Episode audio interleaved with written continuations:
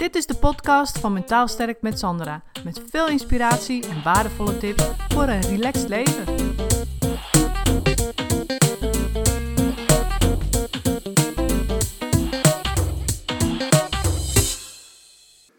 Ik zie en hoor het vaak voorbij komen. Mislukte huwelijken. En dan niet één mislukt huwelijk, maar twee of soms zelfs drie. En dan kom je eigenlijk op het punt dat, dat je zegt van ja, maar hoe kan het toch dat elke keer mijn huwelijk mislukt? En ik hoor ook vaak verhalen van uh, vrouwen die dan met mannen getrouwd zijn en dat die mannen uiteindelijk ja, uh, hele lastige mannen zijn of autoritaire mannen of mannen die uiteindelijk uh, ja, hun nog na de scheiding of voordat de scheiding plaatsvindt heel erg lastig vallen met allerlei vervelende dingen, pesterijen en uh, ja, dat ze ze kleineren. Weet je, allemaal dat soort dingen. En ik hou er eigenlijk helemaal niet zo van om in het verleden te duiken en in heel je jeugd te gaan analyseren.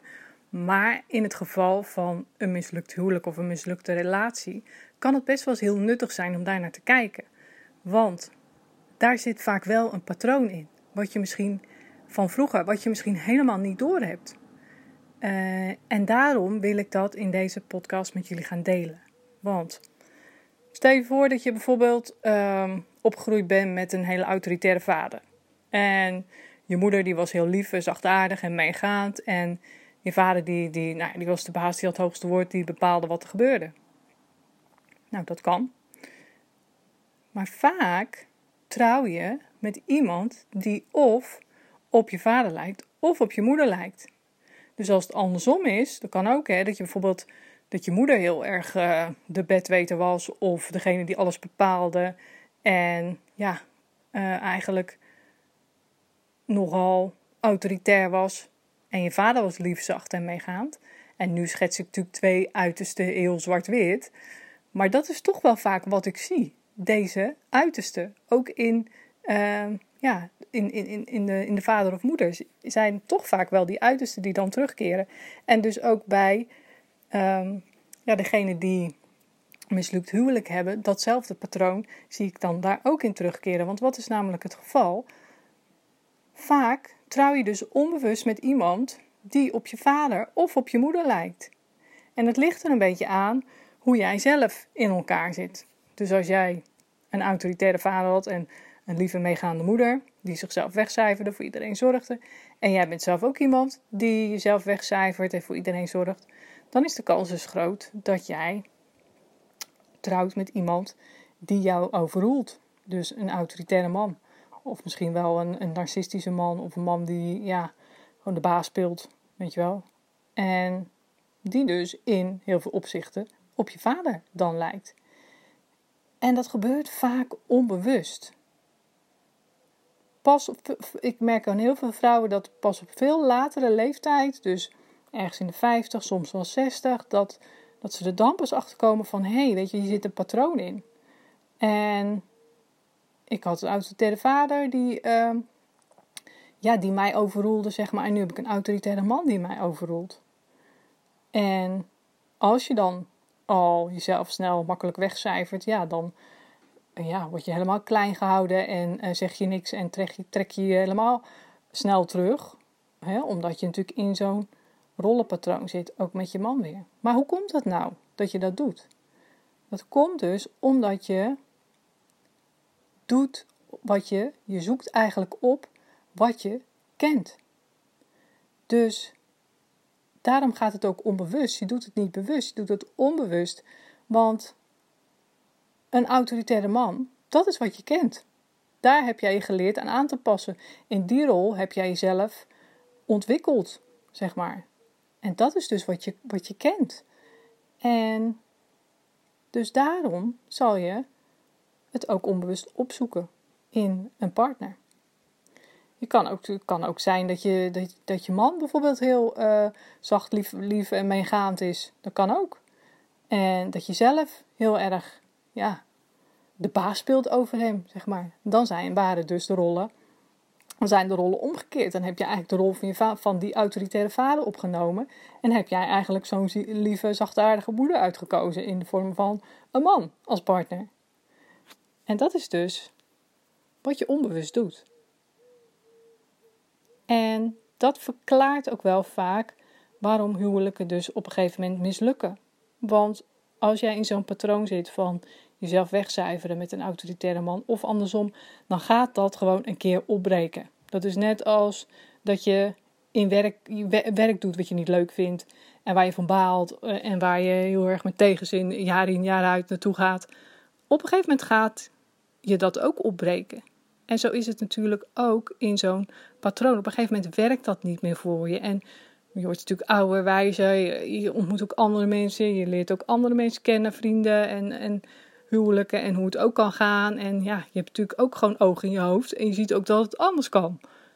Dus dan komt, maar die realisatie komt vaak pas later. En waarom is het ook zo moeilijk om uh, niet nog een keer de fout in te gaan? waarom hebben mensen dan soms wel drie huwelijken achter de rug of drie relaties met zo'nzelfde soort man? Omdat je op dat punt waarschijnlijk nog niet klaar was om te veranderen. Er moet altijd een punt komen waarop je zegt: Oké, nu ben ik het zat. Nou ben ik zo gekleineerd, dan ben ik zo tekort gedaan. Nu voel ik me zo aan de kant gezet. Uh, nu ben ik het zat.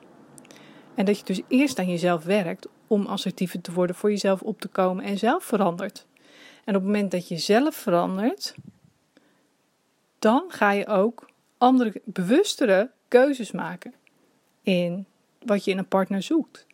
Maar daarbij is dit inzicht dus wel heel belangrijk. Dat je ook weet dat je niet weer zo'nzelfde soort man uitkiest met het idee van, nou ja, weet je, hè, ik ben nu assertief en ik kan wel tegen zo iemand op.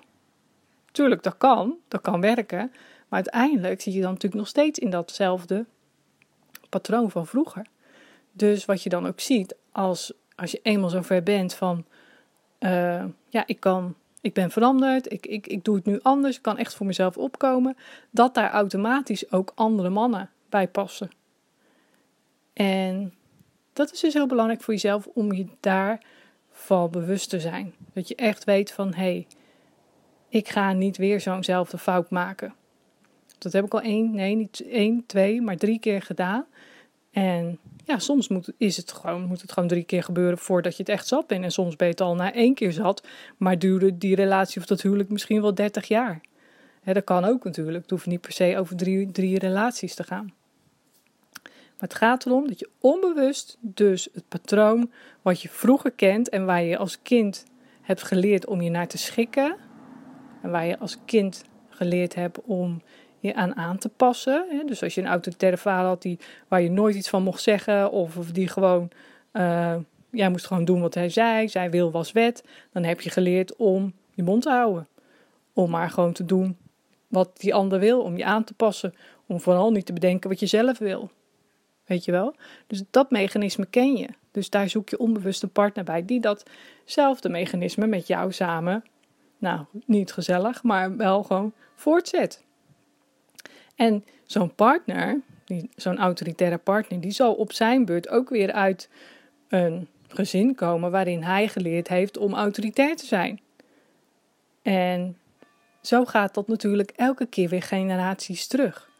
Dus het is zo super belangrijk dat je ook weet van dit wil ik niet aan de volgende generatie doorgeven. Dus als jij als het jou lukt om die keten te doorbreken, dat je elke keer hetzelfde patroon doorgeeft, zeg maar, aan de volgende generatie, dan maak je echt, heb je echt impact. Want er is niets moeilijkers dan het totaal anders te doen dan je als kind gewend bent, dan, dan zoals je bent opgegroeid, zoals je gewoon dit veranderen, het persoonlijk groeien. Dat is een proces, een langdurig proces, een moeizaam proces soms. En kost heel veel energie, kost tijd. Maar als het je lukt om dat te doen en je kunt je kinderen een hele andere, een heel ander patroon uiteindelijk meegeven, een ander voorbeeld dus eigenlijk, een ander voorbeeld van een relatie, dan heb je die keten doorbroken. En hoe mooi is dat?